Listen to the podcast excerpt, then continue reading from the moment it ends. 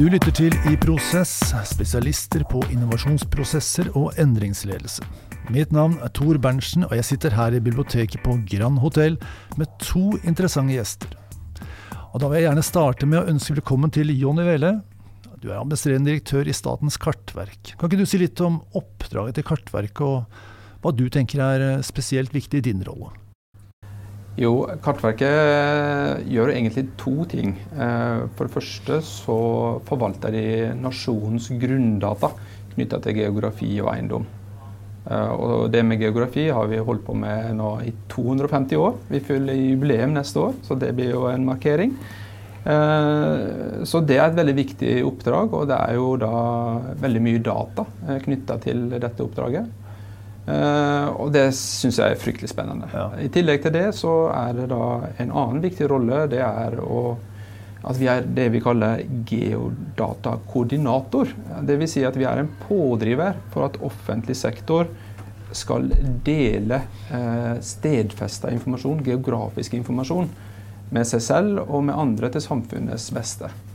Så det, er, eh, det, går litt utover våre egne grenser og egen forvaltning. Men det, det, dreier seg om å få eh, da, andre fagetater og kommuner eh, til å faktisk dele data. Ja. Og det, den er jeg også for. Akkurat. Hva tenker du er spesielt med din rolle oppi dette? Det som jeg tror, og vi kan kanskje komme tilbake i denne podkasten, er jo at uh, for å få til god deling av data og det å kunne koble data sammen, så må vi samarbeide. Uh, og det tenker jeg at det er vel det jeg bruker mye av min lederrolle til. det er å samarbeide. få til samarbeid internt, og ikke minst da, samarbeid eksternt. Ja. Takk skal du ha. Da vil jeg gjerne ønske velkommen til vår andre gjest, Robert Steen, byråd i Oslo kommune. Kan du si litt om oppdraget til en byråd? ja, tusen takk for invitasjonen. Eh, byrådet i Oslo er eh, i veldig stor utstrekning det samme som regjeringen er for Norge. Vi har altså det politiske ansvaret for operasjonaliseringen av alle fellesskapstjenestene i Oslo på kommunalt nivå. I min sektor så har jeg ansvaret for helse, for omsorg, for eldre, for digitalisering og for bydelene. Det betyr at det er en organisasjon i Oslo i dag på ca. 35 000 mennesker som tilhører min sektor, som leverer disse tjenestene til daglig til byens 700 000 innbyggere. Det er i hvert fall kortversjonen av det en byråd i Oslo holder på med. Hva tenker du er spesielt viktig i din rolle da? Det å være byråd innenfor et område som er så stort, med så mange ansatte, handler i altoverskyggende vesentlighet om ledelse. Det å kunne skape felles mål for aktivitetene våre, tilgodese at vi har både en struktur, en organisasjon og en kultur, ikke minst ressurser og kompetanse i forhold til å levere på vårt samfunnsoppdrag, eh, det er topplederens hovedansvar. Akkurat. Jeg har utfordret dere begge til å si noe om hvem som er mennesket bak lederrollen. Eh, hva med deg, Jonny? Du, eh, hvem er du når du ikke er direktør? Ja, jeg, jeg, tror ikke jeg kommer bortom eh, at uh, min oppvekst på Sunnmøre, Sykkylven eh, Jeg tror det er sånn oppvekst det er med på formen, ja. eh, og det har jo klart jeg har formet meg også. Vokse opp i, i, et sånt miljø som er en entreprenørisk eh, kultur i, i, i Sykkylven. Eh, min far jobba med, med, elektrisk forretning eh, og hadde to av de, en i Sykkylven på Stranda. og Jeg ble jo dratt med derifra jeg var en neve stor. Og siden det så har jeg også vært innom fabrikkene i Sykkylven og hatt mange jobber. Fått mye ansvar fra jeg var liten av. Jeg begynte fast på fabrikk da jeg var 15. Og, men som, som som var fantastisk da med fellesskapet, at vi alle når vi var ferdig med videregående, så skulle nesten alle mine venner ut og studere. Og Det er helt inspirerende å se at eh, så mange forfulgte den drømmen om å ta videre utdanning. Og, og da havna jeg i Oslo, og siden det så har jeg blitt ekstremt glad i Oslo. Så, men, men, oppveksten har eh, blitt bare preg av denne sunnmørske entreprenørskapen. Og, og, dette her med å søke løsninger uh, sammen med andre, det, det syns jeg er veldig spennende. Takk skal du ha. Det høres ut som et godt grunnlag for ledelse, tenker jeg. Hva med deg, Robert? Hvem er mennesket bak eh, byråden? Ja, eh, Nå har jo vi i Oslo blitt eksponert, for å bruke et diplomatisk uttrykk sannsynligvis, under pandemien. Og helsebyråden har jo også vært en av de som har vært i medias oppmerksomhet. Det var en journalist som skrev en greie om meg for noen måneder siden, og da var overskriften 'Sønnen, faren og han der koronafyren'. Uh, og det var en beskrivelse uh, av hvordan de opplevde meg som kanskje politiker, først og fremst, som jeg har vært i de siste sju årene. Sønnen fordi faren min var eh, politiker. Han var leder av Arbeiderpartiet, Raulf Steen. Og det var vel det som var kanskje det folk beit seg merke i først og fremst når jeg kom inn i politikken. Det sier noe om barndommen, det sier noe om oppveksten, det sier noe om hvordan du ble kanskje preget når du hadde et familiært forhold til en person som var såpass eksponert som det Raulf var. Så hadde vi en situasjon for uh, tre år siden. Uh, NRK publiserte en nettartikkel om sønnen min som var født med en muskelsykdom som gjorde at han gradvis mistet alle sine krefter. Og de siste ti årene av livet sitt så satt han inne i en kjellerleilighet i huset som vi hadde bygd for den situasjonen, og gamet. Uh, han var omtrent ikke ute av huset sitt, og jeg syns det var fra utsiden et veldig trist bilde å se en sønn som ikke hadde noe mer i livet sitt enn en skjerm og gaming. Eh, og så dør han i 2014. Og til bisettelsen hans så kommer det mennesker fra hele Europa. Mennesker som vi ikke ante eksisterte. Mennesker som han aldri hadde møtt. Men mennesker som opplevde Mats, som han het, som en av sine nærmeste venner. Ja. Nærmeste eh, nære kjæreste osv. osv. osv. Og Det begynte å åpne øynene mine for hva denne digitale verden gjør kanskje først og fremst for barn og unge, på en helt annen måte enn det det gjorde for vår generasjon. Derav sønnen-tenkningen til denne journalisten som skrev om dette. Og det siste er selvfølgelig det som har preget kanskje min hverdag og mitt liv de siste to årene, 24-7, nemlig koronapandemihåndteringen her i Oslo. Hvor vi har rett og slett måttet gi avkall på alt det vi har av fritid og andre eh, goder for å bli kastet inn i en situasjon som var ganske alvorlig, og som jeg opplever vi har klart å komme oss godt ut av. Så sønnen, faren og koronafyren eh, kan jo være én måte å se det på. Ja. Ellers er det jo også en refleksjon jeg har i mitt liv, at jeg har jo vært veldig heldig. Jeg har fått lov til å være i et arbeidsliv hvor jeg startet med boligbygging og byutvikling i Oslo. Jeg var med og bygde kraftledninger i Thailand, et kraftverk på Grønland. Jeg har vært på Sri Lanka og bygd kraftledninger. Jeg har vært i eh, industriproduksjon på fabrikker, på Brandbu, på Dal, i Halden. Eh, jeg har fått lov til å jobbe i 15 år i mediebransjen. Jeg var med og starta finn.no for 22 år siden og var med på en ekstrem internasjonal reise i så måte, før jeg de siste syv årene har fått lov til å være politiker. Ja, du verden. Det blir en bra, bra samtale, kjenner jeg på meg allerede. du Jonny, du, du ønsket jo å snakke med Robert. Kan du si litt om bakgrunnen for det ønsket? Ja, eh, jeg tror både Robert og meg er eh, brennende for eh, det med digitalisering. Og, og, jeg tror også at vi har et veldig stort hjerte for at vi ønsker på en måte ivareta demokratisk kontroll over dataene som vi har i Norge i dag. For de betyr veldig mye. Og jeg eh, har jo lest en del av de tingene som Robert eh, har skrevet i, akronikker, og jeg har også hørt litt podkast. Og, og, han har veldig mange interessante refleksjoner. Så, det, da, så tenkte jeg at ja, men eh, dette må jeg forfølge og utfordre litt også, kanskje, i forhold til eh, hva som skal til da, ja. i forhold til å sette fart på digitalisering av offentlig sektor. Altså, digitalisering er jo viktig, og det blir snakket om i veldig mange sammenhenger i dag. Men uh, hvorfor er det spesielt viktig i offentlig sektor? Det er nok ikke noe viktigere i offentlig sektor enn i privat sektor. Jeg nevnte at jeg var med og starta finn.no for 22 år siden uh, i Aftenposten Skipsteds regi. Jeg tenker vel at uh, hvis de ikke hadde gjort det på det tidspunktet, så er vi nok ganske sikre på at mediaselskapet Skipsted, slik vi kjenner i dag, ville enten vært dramatisk annerledes, eller kanskje ikke engang eksistert lenger i dag. Slik at eh, det den digitale teknologien gjør i forhold til all mulig slags virksomhet, er ekstremt viktig. Og I det så tror jeg også det ligger en erkjennelse. Eh, en erkjennelse om at kanskje vi skal tone ned og kalle det for digitalisering. Fordi i det begrepet så ligger det nærmest en premiss om at dette er noen, noen teknologer, eh, noen ingeniører, som skal løse for oss. Mens vi som driver virksomhetene våre, kan fortsette med det vi er gode på Det er da vi snubler. Det er da vi tar feil. Ja. Eh, hvis vi først og fremst ser på hva denne teknologien gjør med organisasjonene våre, produktene våre, prosessene våre, måten å komme fram til verdiskapning på, eh, så begynner man å forstå at dette handler først og fremst om organisasjonsutvikling.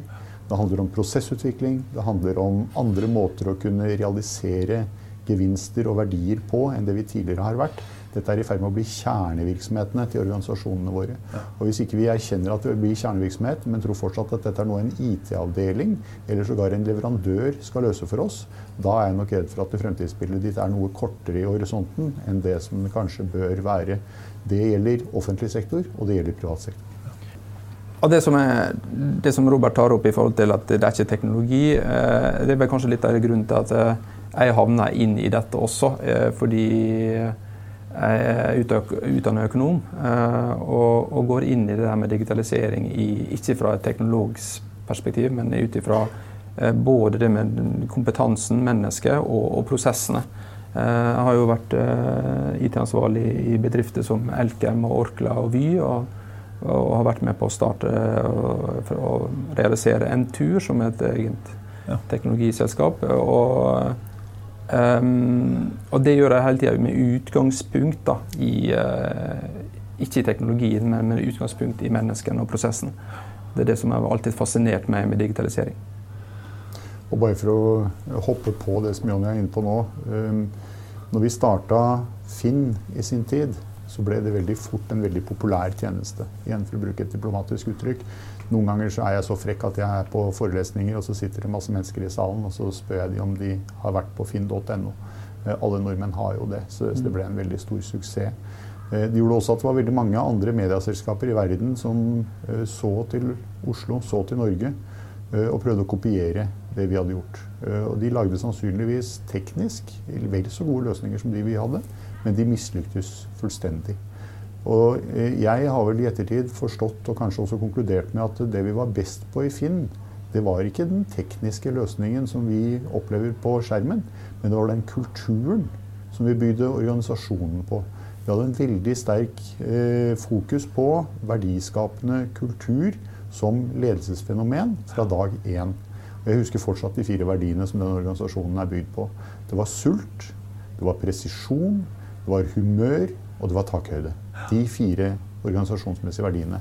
Alle rekrutteringer i Finn så etter at disse fire elementene var del av den personligheten til alle organisasjonens medlemmer som kom inn. Og da ble også organisasjonen bærer av det.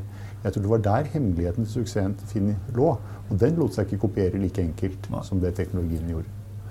Hvis jeg forstår det riktig, så er det sånn at eh, teknologi, eller digitalisering Du vil ikke bruke ordet, men vi må bruke det litt likevel. det er liksom ikke en en praktisk teknisk løsning, men det er en holdning til måten vi utvikler virksomheten på. Digitalisering er ikke et prosjekt. Det er ikke en app. Det er en evigvarende prosess i organisasjonen din. Det må vi huske på som ledere. Det andre er at digitale teknologien i større og større utstrekning er i ferd med å bli en integrert del av kjernevirksomheten vår. Og det som er kjernevirksomheten vår, det må vi kontrollere, og det må vi forstå. Og når teknologien er i ferd med å bli kjernevirksomhet i organisasjoner som ikke primært kommer ut ifra eh, teknologiaspektet, så må vi bygge opp en annen type kompetanse i organisasjonene våre for både å kontrollere og for å drive videre og for å forstå. Så den kontinuerlige utviklingsperspektivet med teknologi som støtte, og at dette er kjernevirksomhet i forhold til hvilken kompetanse du må sitte på, to elementer som blir ekstremt viktige i morgendagens ledelse. Ja. Det er bare det som er interessant med Robert, er også at når han kommer fra Skipsted, er jo at han også da har fått eh, kanskje da eh, en erfaring i forhold til dette med jeg kaller det delingsplattformer. Eh, og det med å ha gode brukertjenester, det, det skaper kaller bedre tjenester. altså gode brukertjenester, mer data. Det er en naturlig gravitasjon knytta til disse tingene som er, er kaller jeg skal ikke si et sort hull, men, men, det er med på å forsterke en eh, effekt. Eh, og det ser vi innenfor vår bransje. I Kartverket så ser vi veldig tydelig det. F.eks. knytta til det vi kaller point of interest, eller altså bestemte steder som, som, vi ser i dag at de facto så er det Google som har oversikten over hvor ting er. Det, hvis du lurer på hvor en butikk er, eller en skole er, eller noe som helst, så er jo det stort sett Google som da har oversikten over det. Og, og i og med at det er veldig gode tjenester der, så, så genererer det en høy grad av kvalitet i de dataene. Eh, men det er et datasett som, eh, som, vi eh, ikke sitter på i Norge i dag, som vi har egentlig da lagt i USA. Og da tenker jeg at det er en veldig god tjeneste. En veldig brukernær tjeneste. Men jeg tror når vi ser fremover at vi må da passe på at vi i offentlig sektor er bevisste på hvor er det vi ønsker å ha delingsplattformer og ta eierskap til disse datastrukturene sjøl. Jeg vet ikke hva det er, Robert? Jeg Nei, da begynner Johan å komme inn på egentlig svaret på spørsmålet ditt i forhold til hvorfor er dette så viktig i offentlig sektor. Uh, hvis vi tenker gjennom samfunnet vårt, Norge, det vi er vokst opp i, her vi har brakt barna våre inn, etter hvert barnebarn, så er det noen kvaliteter ved dette samfunnet som vi setter spesielt høyt. Jeg kjenner mange som har uh, jobbet utenlands i mange år, og de fleste kommer alltid tilbake. Litt av årsaken til at vi kommer tilbake, handler nok i veldig stor utstrekning om samfunnet med de små forskjellene og de store mulighetene for alle. Tryggheten, tilliten, respekten som dette landet er en del av. Alt dette bunner ut egentlig i grunnleggende samfunnsmessig politisk tenkning om at vi ikke lar forskjellene få lov til å drive så langt at mistro, mangel på respekt, store forskjeller og sånn får lov til å bli en del av samfunnet vårt. Men det betinger også at vi har kontroll over samfunnsutviklingen vår. Og det er her hvor Johnny er inne på noe som jo er, begynner å bli veldig spennende. Jeg var i Los Angeles, Nå begynner vi å åpne opp verden igjen, så vi kan begynne å reise. Jeg var i Los Angeles for tre uker siden, eh, og så skulle jeg prøve å kaste meg inn på øh, kollektivtransportsystemet i Los Angeles. Eh, og da var det Google Maps som var inngangen. Der la jeg inn hvor jeg skulle fra og hvor jeg skulle til, og jeg får altså forslagene til hvilke busser, T-baner, og trikker jeg skal bruke på den reisen. Og Jeg får også beskjed om at hvis jeg vil betale med Google Pay, så gjør jeg det automatisk. Da har jeg altså gitt fra meg finansieringssystemet til, eh, nei, til PayPal. Eh, jeg har gitt fra meg kollektivløsningene til Google Maps, som helt sikkert har forhandlet med kollektivsystemene i forhold til hvordan det skal presenteres. Uh, og jeg uh, kontrolleres av Google Maps. og det funker som bare rakkeren. Og jeg som bruker er veldig fornøyd. Men det langsiktige perspektivet i forhold til det er når du tar dette i samfunnsområde til samfunnsområde, eh, så er det plutselig andre som styrer samfunnsutviklingen vår. Hvis man skulle transformere det tilbake til det litt mer alvorlige her hjemme hos oss, så antar jeg at det vil ikke være veldig vanskelig for Google å lage Google-skolen. Barneskolen eh, som du kan aksessere over skjermen din, og som garanterer deg kvalitativt bedre utdanning for unga dine på en raskere tid enn det Oslo-skolen skal. Hvis det får lov til å utvikle seg for langt, så vil du se at foreldrene begynner å ta ungene ut av Oslo-skolen. Og det er de ressurssterke som gjør det først. Og da skaper man det store skillene i samfunnet som vi ikke ønsker å bygge vårt samfunn og samfunnsform på. Da får vi en annen type samfunn som kanskje ikke nordmenn ønsker seg. Og Derfor må vi være bevisst disse tingene, kanskje særlig innenfor offentlig sektor. Ser du for deg at det offentlige skal ta over en del av disse markedene eller rollene? Jeg tror det vi ser konturene av nå, som jeg opplever at Jonny er litt inne på også, det er at vi begynner å forstå at eh, teknologien også har beveget seg fra å være eh, leveranser, leveranser av systemer, av apper eller av løsninger, til å bli en del av den integrerte virksomheten, som jeg sier, og hvor vi begynner å bevege oss i retning av å bygge det vi kaller for økosystemer. Og hvor økosystemene i veldig stor utstrekning utveksler dataene. Det er dataene som er det verdifulle. Dataene er kodifisert kunnskap. Eh, kunnskap som da gjøres tilgjengelig eh, på en standardiseringsplattform for mange flere enn det vanlig kunnskap eh, gjøres tilgjengelig for. Og når den kunnskapen gjøres tilgjengelig på standardplattformer, så kan hvem som helst bruke disse, basert på at du har tilgang til de selvfølgelig, på et hvilket som helst grunnlagssystem. Og de økosystemene der, de må vi beskrive, vi må kontrollere de, og vi må styre de. Det er når vi mister kontrollen over disse økosystemene, at vi også mister kontrollen over vår egen samfunnsutvikling.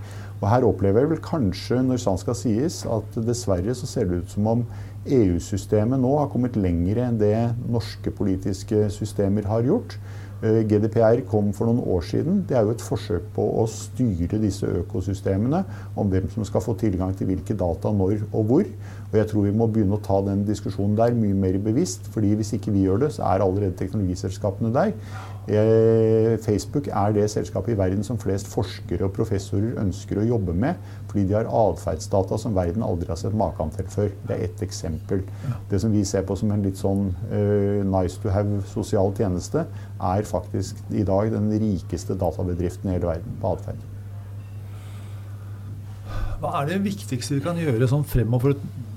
Altså jeg hører at vi må ta tilbake den kontrollen. Vi har mista litt. Mm.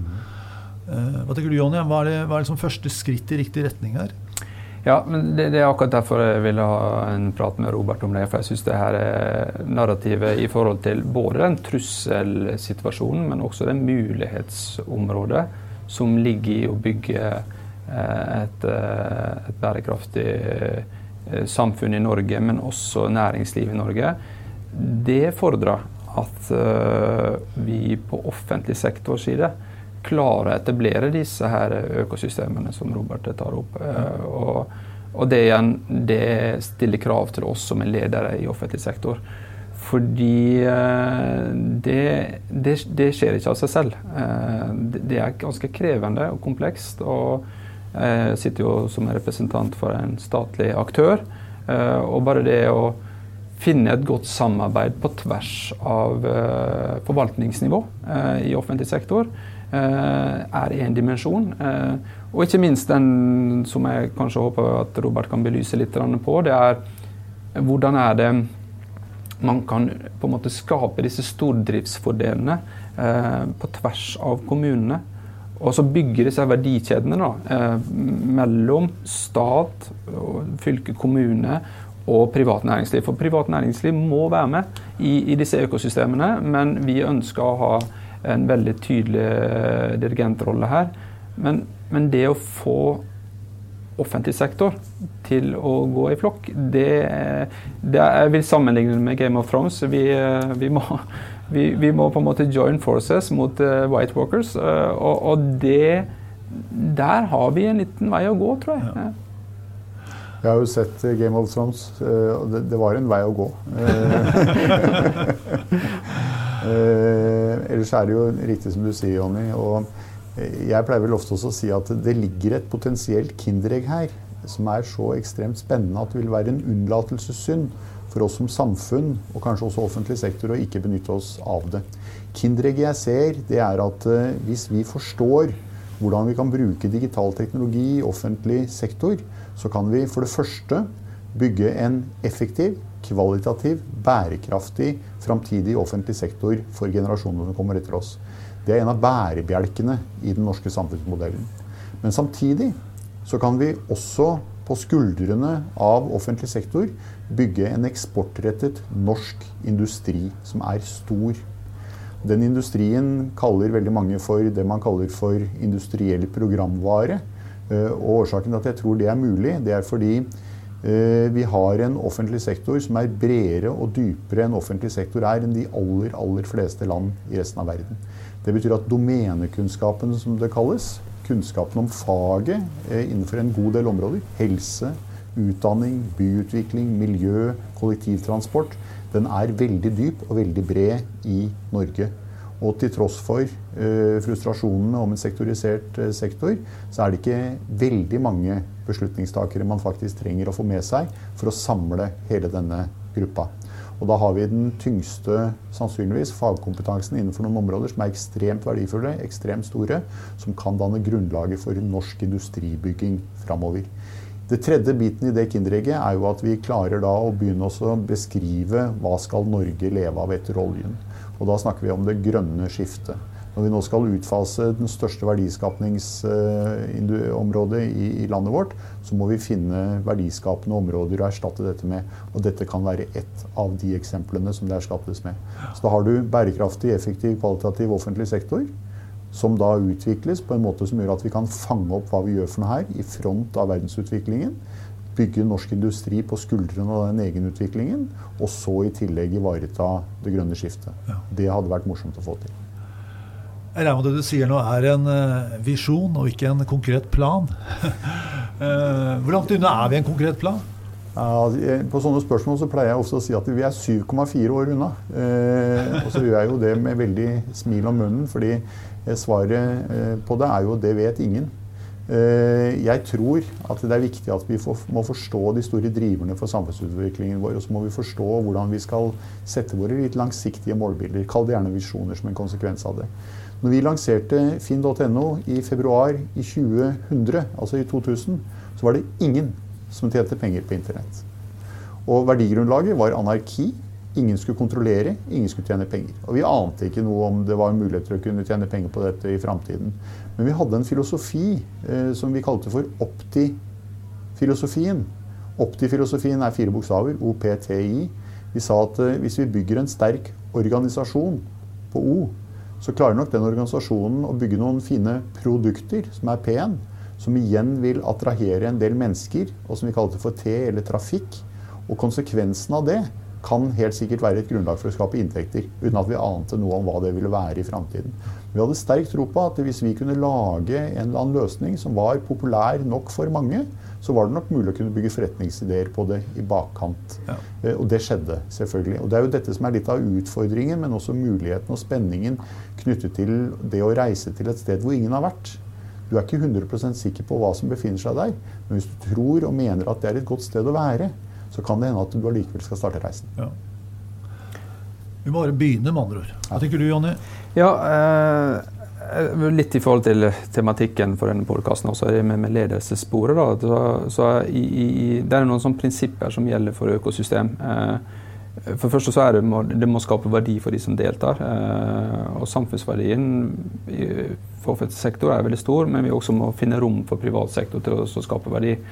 Eh, men, men eh, de to neste er prinsippene som går på, da, på samstyring. Og dette med tillit, tillit både mellom aktørene, men også mellom personene i, i, i samhandlingen her. Samstyringen er veldig vanskelig, for det er så uforutsigbart, eh, det som vi skal gjøre. Eh, det er så ulendt terreng. Eh, vi, vi ha en, kanskje en felles idé om hvilken vei vi skal gå, og så er det veldig mange ting som er uavklart. Og det for oss å stå i det og på en måte ikke ha klare prosjektoppgaver, klare mandater osv., men å egentlig bare ha en, en retning å gå i eh, sammen, det er det jeg tror kanskje er det, noe av det mest krevende for, for, for oss lederne i offentlig sektor. Eh, og der tror jeg at eh, jeg er veldig opptatt av også eh, de store motorene i, kommunal sektor, sånn som eh, Oslo kommune er. Da, eh, er jo at eh, vi er 356 kommuner akkurat nå. det Kanskje blir litt flere etter hvert. Men, men da er det veldig viktig også at, at man at de på en måte fyller en rolle for, for flere enn seg selv. At de tenker på vegne av andre. Og at man finner da, at man går på reisen sammen med, med andre statlige aktører, bl.a. Så det, det, det, den invitasjonen den går jo ut til alle kalle, digitale ledere da, i, i offentlig sektor. Jeg tror nøkkelordet som Jon er inne på nå, det er felles mål. Eh, jeg tror det dessverre er der det fortsatt skorter litt, da, også i offentlig sektor. Eh, jeg mener jo faktisk at vi klarte å håndtere pandemien på en eminent fantastisk måte. Og vi ser jo nå internasjonale analyser som konkluderer med det samme. Norge og kanskje også eh, Oslo blir trukket fram som eksempler som virkelig klarte å skalere organisasjonene sine på en måte som gjorde at vi klarte å håndtere en global pandemi bedre enn de aller, aller fleste. Og så peker man på andre, tredje, fjerde, femteplass på byer som Tokyo, eh, Hongkong, Taipei eh, og Wellington er liksom de andre som trekkes fram. Eh, byer som er vant til pandemier, vant til munnbind og sånt noe. Uh, og jeg tror at litt av årsaken til at vi klarte det så bra, var at vi som samfunn, om det var Oslo eller Norge, vi var veldig klare på hva målet var. Denne pandemien måtte vi bekjempe. Smitten skulle vi stoppe. Og derfor så, øh, Over natta så aksepterte vi at det var politikere i Oslo som fortalte hvor mange som skulle få lov til å komme på bursdagen til femåringen din. Én gang i livet blir han fem år. Øh, og da hadde politikeren i Oslo sagt at du får lov til å ha sju gjester. Og det forholdt folk seg til. Og jeg tror det handlet om at målet var så klinkende klart. Og vi var også veldig klar over hva som skjedde hvis vi ikke nådde målet vårt, eller fryktbildet som en konsekvens av det. Sånn er det dessverre ikke innenfor eh, innføring av digital teknologi i organisasjonene våre. Eh, her er det stor spredning tror jeg fortsatt i forhold til hvordan målbildene er. Og veldig mange ser på dette fortsatt som en app, eller som et system de skal kjøpe, eller som noe som teknologene kan ordne. Og jeg tror igjen det dessverre er en konsekvens av at vi som sitter på toppen av de demokratiske systemene, altså politikerne, vi har ikke brukt veldig mye tid på å forstå hva dette egentlig dreier seg om. Eh, og så bruker vi tiden vår til å argumentere for og diskutere og uh, fokusere på helt andre ting. Så jeg tror nok at målbildet og kompetansen i forhold til å bygge riktige målbildene, der har vi fortsatt et stykke vei å gå. Og før vi får det på plass, så vil man se en offentlig sektor som også spriker, som jo Jonny egentlig adresserer. Ja. For jeg ser jo det at når vi har mange eh, si, enhetsledere innenfor det offentlige og i og for seg også private som nok tenker store, langsiktige tanker for sine egne ansvarsområder. Mm. Men her snakker vi om å tenke nasjonalt og internasjonalt på lang sikt. Eh, hva skal til for at vi kommer et uh, viktig skritt i riktig retning, tenker du, Jonny? Ja, eh, det å på en måte da faktisk eh, få tid til å diskutere målbildet sammen, det, det, det, tror jeg er en forutsetning. Eh, jeg vil jo også på en måte Eh, si at vi har jo et veldig godt utgangspunkt i Norge. Jeg er veldig optimistisk. Eh, alltid et halvfulle glass hos meg. Eh, og, og, sånn som innenfor den bransjen som jeg er, da, med geodata, så, så, har vi nå Vi skal faktisk ha 30-års middagsjubileum på, på, onsdag for noe som heter Geovekst. Det er altså da et samarbeid der hvor kommunal sektor, statlig sektor har samarbeidet om å samle å dele geografisk informasjon. Altså, dere har kanskje sett hvis dere går inn på noen kartløsninger, så står det geovekst eh, copyright i bunn. og Det for det er et eh, sameie mellom, mellom ja, kommuner og andre statlige aktører. Eh, dette er et 30 års langt samarbeid, og vi blir putta inn over 3 milliarder kroner i data der. Eh, men dette er de dataene som er arvesølvet, som nå står overfor den digitale utfordringene som, er, som kommer.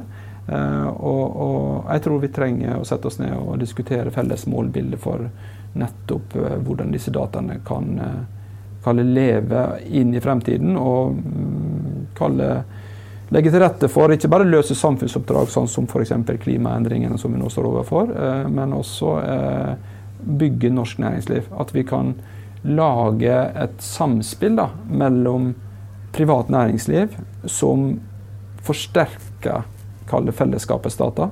Eh, og gjennom det ha et eksportprodukt tror jeg, som de kan gå ut og selge i Europa. For jeg tror det med å ha den demokratiske kontrollen over disse dataene vil være helt avgjørende for veldig mange andre land enn Norge, tror jeg. Du nevnte i stad at for et sånt samarbeid skulle fungere, eller sånt arbeid skulle fungere, så var verdiskaping en viktig forutsetning. Iallfall en av flere viktige forutsetninger. Men jeg, når jeg hører dere to snakke sammen, så høres det ut som at det vil være veldig uklart hva verdien er når du starter samarbeidet. Og kanskje noen har en idé om at jo, for min, mitt ansvarsområde så har vi disse verdiene, mens andre i andre andre som er ansvarlige for andre områder, de ser det kanskje ikke helt tydelig for seg. og altså, Dette er veldig altså, Det er uklart farvann, da, men utrolig viktig farvann. Hvordan kan man som leder og byråd altså, motivere folk til å gå inn i den type prosesser og skape ja, Du må sikkert skape noen resultater, men det er jo kan, det, er det, er ikke, sånn som det har vært før, at oppgaven kommer til deg, du utfører den. Her er det, går du inn i et territorium, og så er det uklart, og så har vi noen ambisjoner. Men uh, hva resultatet blir de første tre månedene, eller seks månedene, eller året kanskje, det, er, det finner man ut underveis. Det blir en type ledelse. Der. Det, det, og der tror jeg, Hvis du skal svare på det spørsmålet, der, så må du ta med de to andre prinsippene, som er samstyring og tillit. Altså, fordi det er uklart hva det enkelte skal sitte igjen med. Eh, og Spesielt også i forhold til eh, samarbeid mellom offentlig sektor og privat sektor. Eh, offentlig sektor ønsker ikke en situasjon hvor vi får uheldige strukturer på, på, på, på, privat sektor hvor at winner takes it all, at de sitter igjen med de beste dataene og de beste kalde eh, altså de, slik at, slik at kalde maktbalansen forringes eller endres. Jeg, jeg tror at jeg tror vi må på en måte gå inn i det og diskutere verdifordelingen på, gjennom det målarbeidet. Da. Eh, og, og, mens vi går, tror jeg også. Fordi, og det er det som gjør det, det å på en måte gå inn i det med, som ledere i et uh, udefinert uh, og uavklart uh, landskap sammen. ikke, ikke noe sånn kontraktsfesta, for mye av de økosystemene er ikke alltid like godt kontraktsfesta og avtalestyrt heller. Så, så, det Og såpass mye dynamikk er det i disse tingene at man, man må ha med seg alle de tre prinsippene samtidig. Ja. Eh, og balansere verdien opp mot den samstyring, altså den styringen. Eh, og, og, den styringen krever et litt uh, omforent offentlig sektor, tror jeg. Robert Steen, hvis alt går slik du ønsker de neste seks månedene, hva har du oppnådd da, eller hva er annerledes da, tenker du? Hvis jeg skal få lov til å ønske meg noe basert på denne samtalen her med Jonny, så måtte det jo være at uh, offentlig sektors videreutvikling basert på ønsket om dette kinderegget kanskje plasseres i Næringsdepartementet. Ja. Ved å putte offentlig sektors ansvar for digitalisering i Næringsdepartementet, så får man en næringsdrevet utvikling. Først da tror jeg man kan åpne disse dørene som Jonny er inne på. Skape et felles målbilde om å skape gode offentlige løsninger for framtiden som er innenfor en eksportrettet industribygging i Norge, som jo da tilhører etter hvert privat sektor, og som samtidig da er med på å lage et nytt grunnlag for det grønne skiftet og hva vi skal leve av etter oljen. Eh, det har vært gjort noen ganger. Eh, Finn.no ble jo eksportert til gud veit hvor mange land og så ble det lagt inn i et aksjeselskap som i dag heter Adevinta, og som i høst var det fjerde mest verdifulle selskapet på Oslo Børs med en verdi på 150 milliarder kroner etter 20 år. Cognite gjorde det samme for Aker, eh, hvor John Markus Lervik bygget opp et selskap som i dag eksporterer løsninger til Saudi-Arabia. Utgangspunktet hans var at det må kunne gå an å legge litt smartness på stålet i Nordsjøen og få noe ut av det. Eh, og så har han brukt sensorteknologi til f.eks. å få eh, mer kostnadsdrevne vedlikeholdsoppgaver og operasjoner. Og det viser litt om dette ulendte farvannet, men som man med en tro på teknologien og en visjon om hva som er verdiskapere og verdidrivere både i dag og i morgen, man kan få til. Tredje sånn eksempel som jeg har, er et selskap som heter Heroic, som egentlig bare driver med gaming.